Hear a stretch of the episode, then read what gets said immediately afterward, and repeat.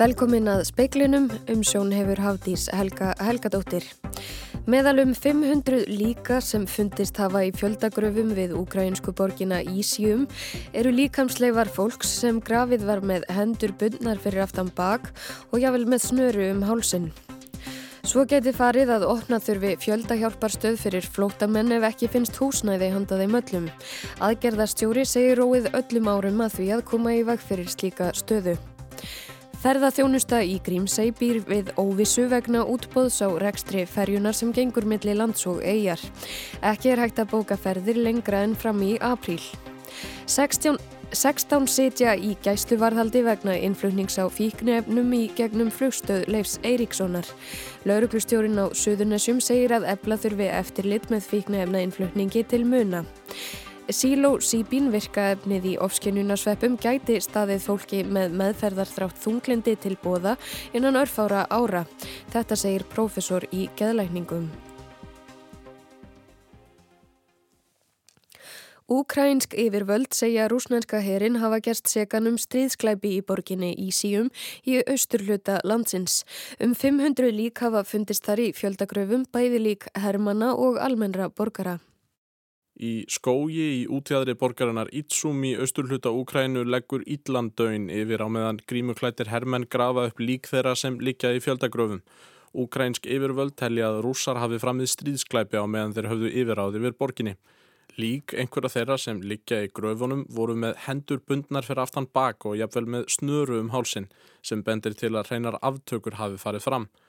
Úgrænsk stjórnvöld vilja greinilega að heimsbyðin sjá í hryllingin. Heilu bílalestirnar af fjölmiðlafólki hafa streymt til Ítsum í dag. Utaríkismálastjóri Evrópusambandsins, Jósef Borrell, segir að aðildaríkisambandsins séu í áfalli vegna frétta af fjöldagröfunum. Í yfirlýsingu sagði Borrell framferði rúsa ómanneskjulegt og að það þver breyti gegn alþjóðlögum og genfarsáttmálunum sömu leiðis. Aðildaríkið saminuð þjóna greitu atkvæðum það í dag að leifa Volodymyr Selenski, fórseta Úkrænu, að ávarpa allseraþingið gegnum fjarfundabúna eftir rétta viku. Vanalega er það ekki leift þegar leiðtóar koma saman í personu og því lögðu um 50 ríki fram sérstakka beðni þar um, þar á meðal Bandaríkin, Frakland, Suður Kórea og Tyrkland. Sjö ríki greitu atkvæði gegn því að Selenski er þið leift að ávarpa þingið, þar á meðal Rúsland og 19 ríki sátu hjá. Ottur Þórðarsson sagði frá. Aldrei hafa fleiri sótt um vernd hér á landi á einu ári, rúmlega 2700. Gilvi Þór, Þorsteinsson, aðgerðarstjóri vegna komu flótafólks, telur að alltaf 1500 gætu bæst við til áramóta. Húsnæði á vegum vinnumálastofnunar, fjölminningar seturs og sveitarfélaga er að fyllast og viðbúnaðarstig var fært á hættustig á landamærunum í morgun. Eh, en við þurfum aftur á móti að hafa hraðar hendur eh, næstu dagana og vikurnar vegna þess að staðan er einfallega svo að við vitum aldrei hversu margir koma á hverjum tíma. Eh, bara í dag hafa til dæmis komið sex manns frá því klukkan sjö í morgun en hvernig svo tala mun enda er ómulagt að vita. Þetta hefur verið að fara upp á við undan farna daga og Þannig núna tíu daga meðaltal eh, er það að 15 manns sé að koma á dag. Eh, þetta meðaltal var fjóris í sumar. Flestir koma frá Úkrænu. Tæpla 1650 hafa komið þaðan síðan innrás rúsa hófst. Næst flestir koma frá Venezuela. Ef ekki finnst húsnaði handa þeim, gæti þurft að opna fjöldahjálparstöð. Gilvi segir að öllum árum sé róið að því að svo verði aldrei. En hvað er til húsnaði til margra daga til viðbútar? Uh, með óbreyttu þólum við ekkert vola marga daga til viðbútar. Uh, við erum þó að vinni því hörðum höndum að, bæta við húsnæði en við höfum verið að skoða húsnæði bæði í gær og, og í, í morgun uh, sem að vonandi kemur til greina. Það er ekkert vola margir dagar kannski akkurat núna en, en við stefnum að því að, að fara róleg inn í helgina og eiga rólega í það minsta næstu viku ef ekki næstu mánuði. Segir Gilvi Þór Þorstensson, hólfrýður dagni í Freidjónsdóttir talaði við hann. 16 eru í gæsluvarðhaldi vegna fíknefna innflutnings til landsins í gegnum flugstöð Leifs Eiríkssonar. Lauruglustjórin á Suðurnesjum hefur áhyggjur af þróununni í þessu málaflokki og segir að ebla þurfi eftirlit með fíknefna innflutningi til muna, sérstaklega við hafnir landsins. 46 hafa verið teknir við fíknefni innflutning í flugstöðinni frá áramótum. Úlvar Lúðvíksson, lauruglustjóri á Suðunesjum, segir flesta þeirra tengjast skipulaðri brotastarsemi. Ekki sé hægt að veita nánari upplýsingar þar sem málinn séu til rannsóknar og upplýsingar því viðkvæmar. Úlvar segir laurugluna vinna mála þessu tægi í góðu samstarfi við starfsmenn tollsins á flugvellinum. Lauruglan á Suðunesjum hefur áhyggjur af stöðunni í málafloknum. Mikil tími fyrir vinslu málana og Úlvar segir það hafa áhrif á rannsóknir annara mála hjá ennbættinu. Allt kostar þetta peninga þegar það vantar, vantar, fyrir fólk. Hann hefur miklar áhyggjur af fíknefna innflutningi og totla eftirliti á landsvísu. Mín tilfinning er að, að eftir með innflutningi fíknefna sé ekki næla gott fyrir utan flugstöðlega Seyrisson. Það var ég við hafnir landsins. Úlvar segist tengja aukin innflutning á fíknefnum í gegnum flugstöðina síðustu misseri við upptöku lauröklu á tæplega 100 kílóum af kókaini nýverið. Ég held að sá skortur hafi, hafi haft áhrif á, á, á innlandsmarka hér á landi. Sagði Úlvar Lúðvíksson, Gunnhildur Kjærúlf Birgistóttir talaði við hann. Mikið álag var á þyrlur landhelgiskeslunar í dag. Þyrla var fyrst köllið út í morgun til að sækja veikan skipverja á í skip 87 mílur norður af Grímsei. Hinn þyrlan var á meðan til taksi Grímsei. Þegar fyrri þyrlan var komin með veika skipverjan til Akureyra til aðlýningar barst óskum aðstóð begja þyrla vegna bílslis á mýrum á fjórða tímanum. Önnur þyrlan flutti vegfæranda slisins á landsbítalan í, í, í Fosfógi. Þá fekk hinn þyrrlan bóðum að sækja gungumann í sjálfveldu í fjöllin ofan við Hofsós. Sá var fluttur kaldur á sjúkrahús á Akureyri. Þegar svo þyrrla var að fylla á eldsneiti fyrir norðan barstóskum aðstóð við að koma slösu um smala inn á barðarströnd á sjúkrahús. Rekstur Grímsegjar ferjunar verður brátt bóðin út sem gerir að verkum að bókunarkerfið næri ekki lengra en fram í apríl á næsta ári. Ferðarþjónustu aðilega á svæðinu segir það ólíðandi á þessum háana tíma í bókunum. Halla Ingólstóttir, ferðarþjónustu aðili í Grímseg og Grímsegingur, segir áhrifa þegar farið að gæta. Henni hafi búrist mikið á pósti frá ferðamönnum sem er að reyna að bóka grímsjárferðir eitt og tvö ár fram í tíman án árangurs. Síðan ár þá hefur þetta tímabil núna og fram á áramótum þá hafa komið inn staðstu bókanir fyrir næsta ár og það er þegar hannar fyrirspurnir fyrir 2024 en við erum allavega um að sé hægt að bóka ár fram í tíman. Það er eiginlega lágmark.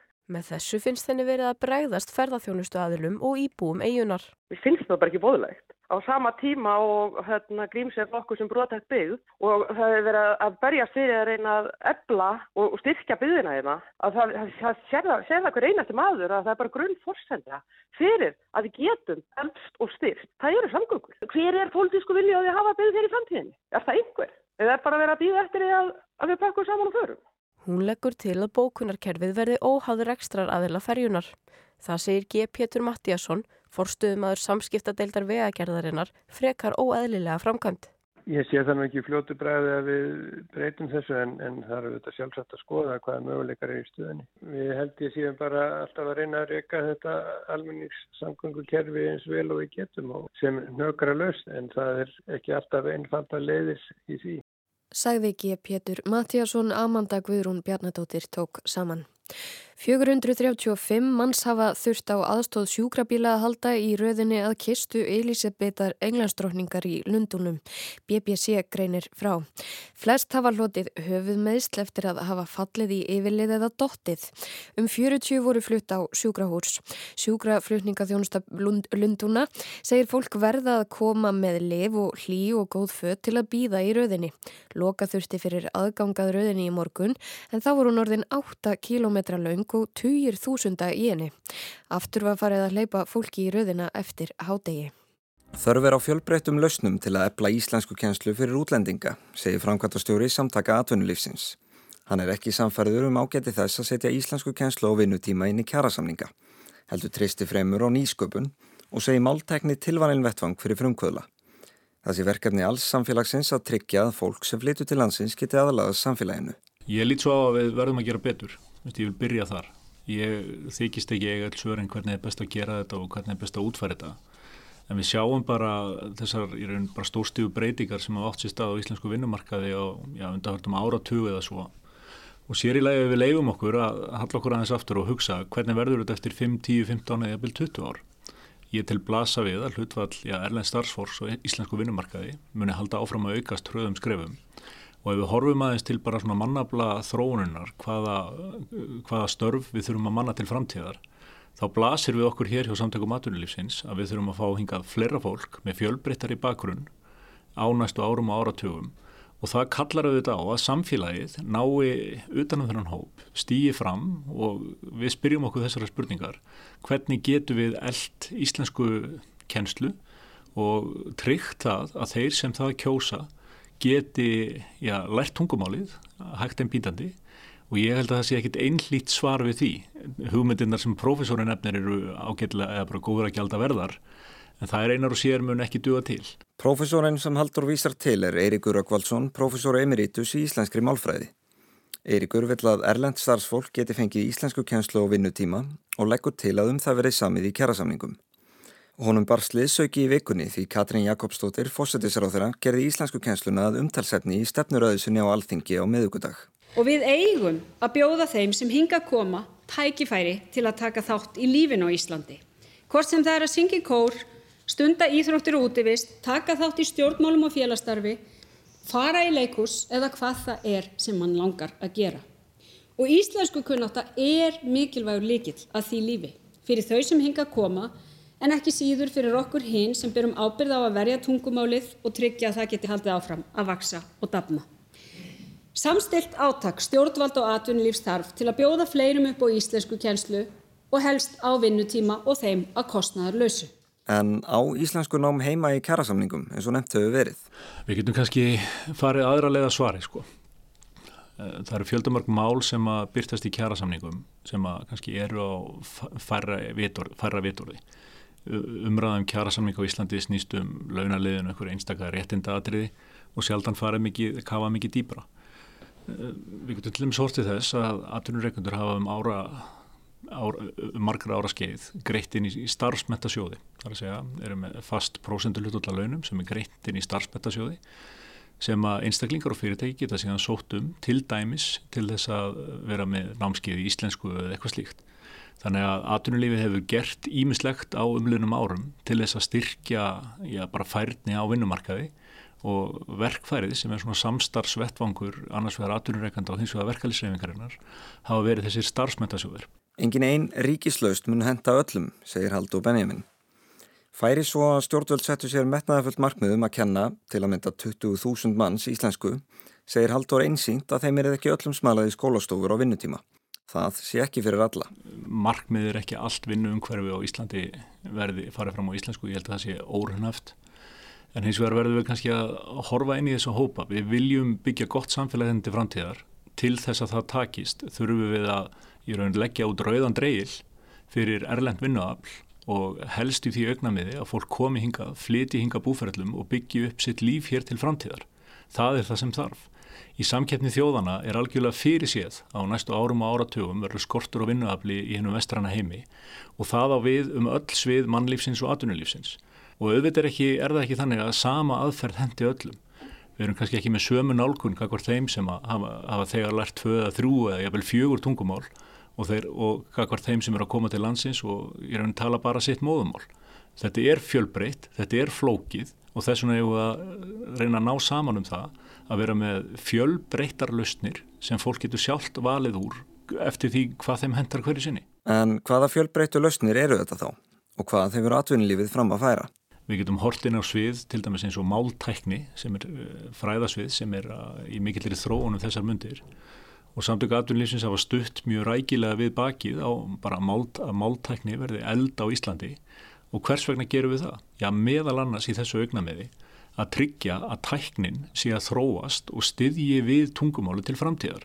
Og við höfum orðað þetta með þeim hætti að stafrætt dauði íslenskunar er alveg vís nema að við styrkjum máltækni og mér finnst mikil meðbyr vera með máltækni í samfélaginu og við getum meðal annars hortin í stjórnmálinn þar sem hafa stíðin í það með myndarlegum hætti Og þess vegna segir ég sko að þetta er afskaplega flókin spurning hvernig tryggju við já, stöðu erlendsvinnuafls gagvart tungumálunu og við öllum flóknum spurningum eru margþætt svör og það er ekkit eitt svar sem er rétt í þessum efnum. Með máltækni er átt við hverskinn samvinnu tungumáls og tölvutækni í hagnýtum tilgangi. Talgerðlar sem tala við þig, talgreinar sem skilja mælt mál og velþýðingabúnaður eru dæmum tól sem nýtast í samskiptum manns og tölvu. Og máltækning getur ekki síður nýst í tungumálakenslu. Margir kannast eflust við Duolingo, snjálfsímafórið sem hjálpar fólki að læra tungumál. Mörg slík tól eru til, en úrvalið er eins og gefur að skilja takmarkað á íslensku. Duolingo getur kentið frönsku, spænsku og geimverumálið Klingon úr sjónvastáttunum Star Trek, en það getur ekki kentir íslensku. Ég veit að margir voru að lesa greinina sem byrtist á vísi fyrir vikunni, þar sem að ja, ungkona er að skrifa um reynslu sína af því að komin á íslenskan vinnumarkað og tilenga sér íslenskuna. Og þetta var ótrúlega viðlesin grein og Michelle Spiney heitir hún. Og ég held að séu góða gildur auk fyrir því. Greinin er algjörlega frábær og ég held að mjög margir tengi við það sem hún er að lýsa í þessari grein sko. Greinin nefnist Ég tala ekki nógu gott íslensku. Þar lýsir höfundur tilurnum sínum til að læra málið frá því hún flutti til landsins fyrir sex árum. Því hver vitt er að fóta sig á Íslandi án þess að tala íslensku og hvernig tvekja vekna tvöl á Ísafyrði var kaplaskil í náminu. Að koma til landsins, vilja setja sig inn í íslenskuna, vilja reyna að læra íslenskuna en einhvern veginn kennslu aðferðanir og sniðmátið í kringum þetta allt saman hendar engan veginn. Besta leiðin í mínum huga er svo að við höfum að hlusta á fólk sem hefur farið í gegnum þetta ferli og reynda að læra af mistökum fortíðarinnar og ég hjó sérstaklega eftir í greininni, þar leggur mér sjálf áherslu á það að þetta geti verið sniður vettvangur fyrir já, frumkvöla til þess að stíga inn með nýjar lausnir og þar fullir því ef við þig að máltækni er sennilega bæði spurningin og svarið sko. Sagði Haldur Benjamin Þorbergsson, Alexander Kristjánsson tók saman. Nánar verður rætt um máltækni í tungumálakenslu í speiklinum á mánudag.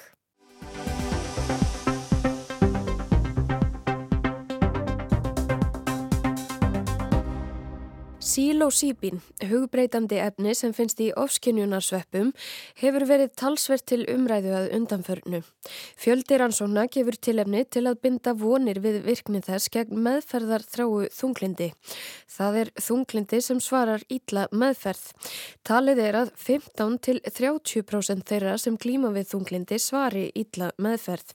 Sveppinir eru eins og gefur að skilja ekki ný aukvötun, nýheldur virkni þeirra. Til að mynda er vitað til þess að þeir hafi verið notaðir við helgiatafnir í Mexiko fyrir 3000 árum. Á sjötta áratug síðustu aldar hófust rannsóknir á áhrifum sílósípins á geðraskanir. Þær rannsóknir voru stöðvaðar þegar að sveppirnir voru gerðir ólöglegir í bandaríkjónum árið 1970. Vísendamenn hafa tekið upp þráðinn. Í greini læknablaðinu kemur fram að ný saptgreining síni marktækan árangur sílósípins meðferðar við meðferðarþrái þunglindi. Þar kemur líka fram að niðurstöður úr fasa tveimuransókn lofi góðu. Þær niðurstöður hafa ekki verið byrtar en til að sílósípin meðferð geti hlotið ábendingu og markaðsleifi hjá lefjastofnunum er næst að skrifað ljúka fjölþjóðlegri fasa þrjúransókn sem stemtir að því að hefjist á þessu ári. Þannig gæti sjúklingum með meðferðarþrátt þunglindi innan örfára ára staði til bóða að reyna slíka meðferð. Engilbert Sigursson, prófessor í geðlækningum og Árni Jóhannesdóttir, sérnámslagnir í geðlækningum, eru höfundar greinarinnar. Það er eiginlega kannski mikilvægast fyrir þá sem klíma við þunglindi að finna annarkvort líf eða samtöl eða aðra leiðir sem að henda viðkomandi viðkomandi tilbúin til að vinna með. Þetta kom ágætlega til dæmis í ljósi í sjónvarsmynd. Við tölum við Alistair Campbell, finnum ráðgjafa Tony Blair, núna bara meðgutaskvöldið á Rúf, svo ég bara plöggi það. Og þetta er líka með þunglindislif. Maður þarf að finna þunglindislif, þau eru öll svona frekar álíka virk. Mm. Það er eiginlega kannski mikilvægast að finna þunglindislif sem er ekki með óbærilegar eða mjög óþægilegar aukaverkani fyrir viðkomandi einstakling. Því annars munan ekki taka lifi til lengri tíma. Rannsónir hafa sínt að sílósýpin þólist almennt vel. Þær aukaverkanir sem voru til staðar voru yfirleitt mennar vægar eða meðalalvarlegar og endust stutt. Engilbert segir samanbörð sílósýpins við hefðbundin þunglindislif vera flókin. Þetta er nú mjög ólík meðferð í raun sko. Annars er þetta að taka liv daglega, uh, mánuðum og árum saman. Hins vegar er þetta að fara í tiltekið svona hugvikandi skinnvíkandi ofskinnunarferðalag sem varir í kannski 5-8 klukkstundi með einhvert fagaðela hjá þér. Og þetta verði stundum leys og læðingi mikla breytingar á heilastasmi á ákveðinu svæðum sem að stundum valda mjög miklum breytingum. Og hjá þriðjungi í einni þarna stóri rannsókn þá er orðin verileg breyting bara eftir þrjár vikur. Það er mjög merkilegt eftir að hafa bara tekið eitt slíkan stóran skamt Það er líka svona kannski fleiri sem getur gerst sem við vitum ekki nægilega mikið um. Það er ekki búið að gera þessar stærstu umfangsmestu rannsóknir á gagsemi og hugsalegu svona aukaverkunum og milliverkunum sem kannski þarf að gera fyrir þessa meðferð. Þannig að við getum ekki sagt að við vitum bara eins mikið um það. Það þarf að ljúka því sem heitir svona fasa þrjú rannsóknir og það á að fara á stað á þessu ári en alltaf ferli tekur gætnan alveg 2, 3, 4 ár sko. þannig að það er dálítið í það og við kannski ákvaðum að skrifa þessa grein taka þetta saman að því að okkur fannst sko, umræðan komin aðeins á undan gögnun mm -hmm. ekki sammála því, Árni? Jó, mjög, mjög sammála því Já, svona að hvaða leiti finnst ykkur hún að vera á villegötum þá eða hvað? Sko auðvið, maður skilur náttúrulega bara mjög vel að, að hérna, það er þörf á um, öðrum meðferðúræðum fyrir fólk sem er ekki að svara annari meðferð. Og þannig að það er mjög skiljanlegt að fólk takið í fagnandi að það sé eitthvað nýtt að koma. En þú veist með, með öll lif þá verður maður að skoða þú veist er þetta örugt, virkar þetta?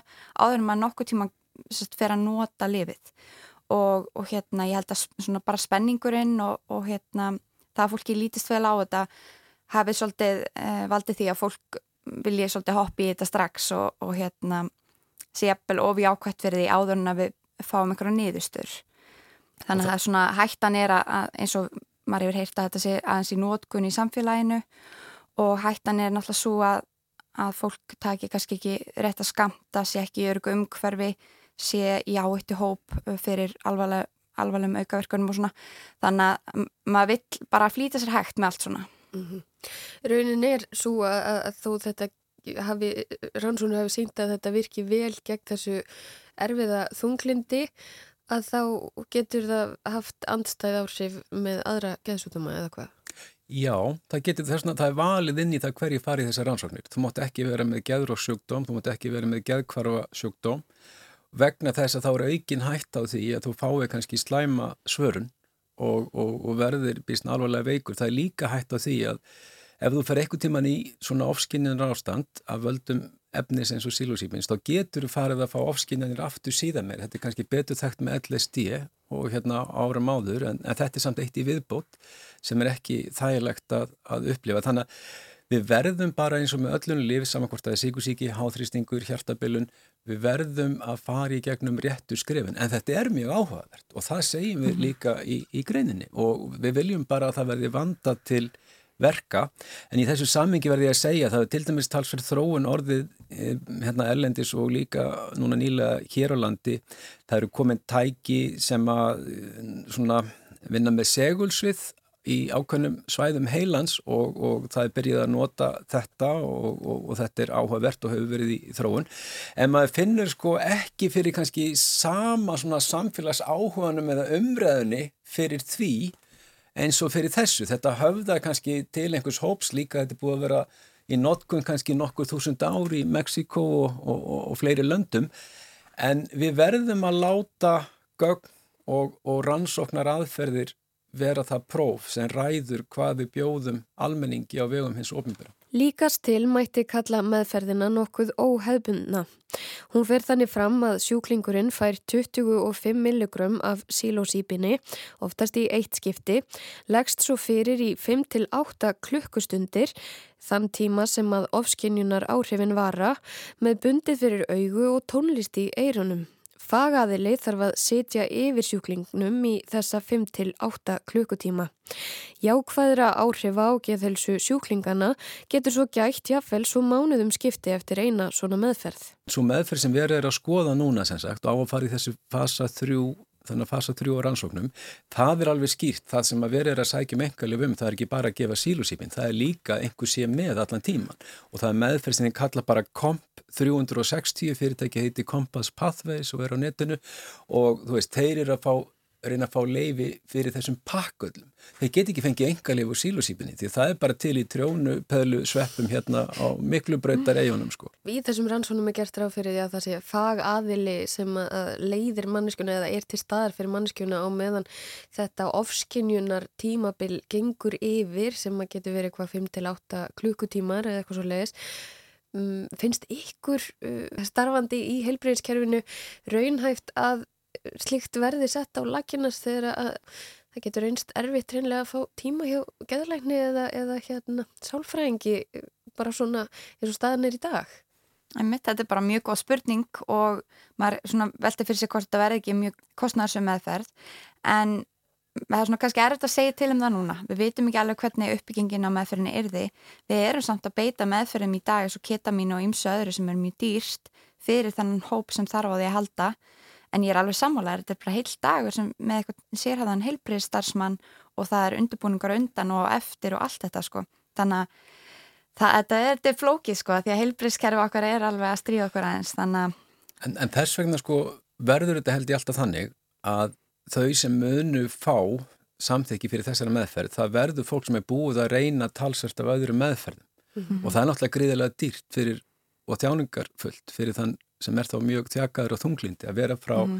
vinnu, námi, vera frá sinu lífi, mánuðum og jafnvel árum saman. Sílósýpin er þekkt výmuefni sem hefur verið ólöglegt um áratuga skeið.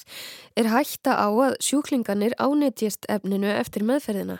Sílósýpin hefur verið flokkað sem fíknefni frá 1970 cirka um, í bandaríkjunum, flokkað sem Schedule 1 drug og síðan þá hefur verið rannsaka hvort þetta sé um, hvort það sé ámann hætta af þessu og hún virðist vera mjög lág.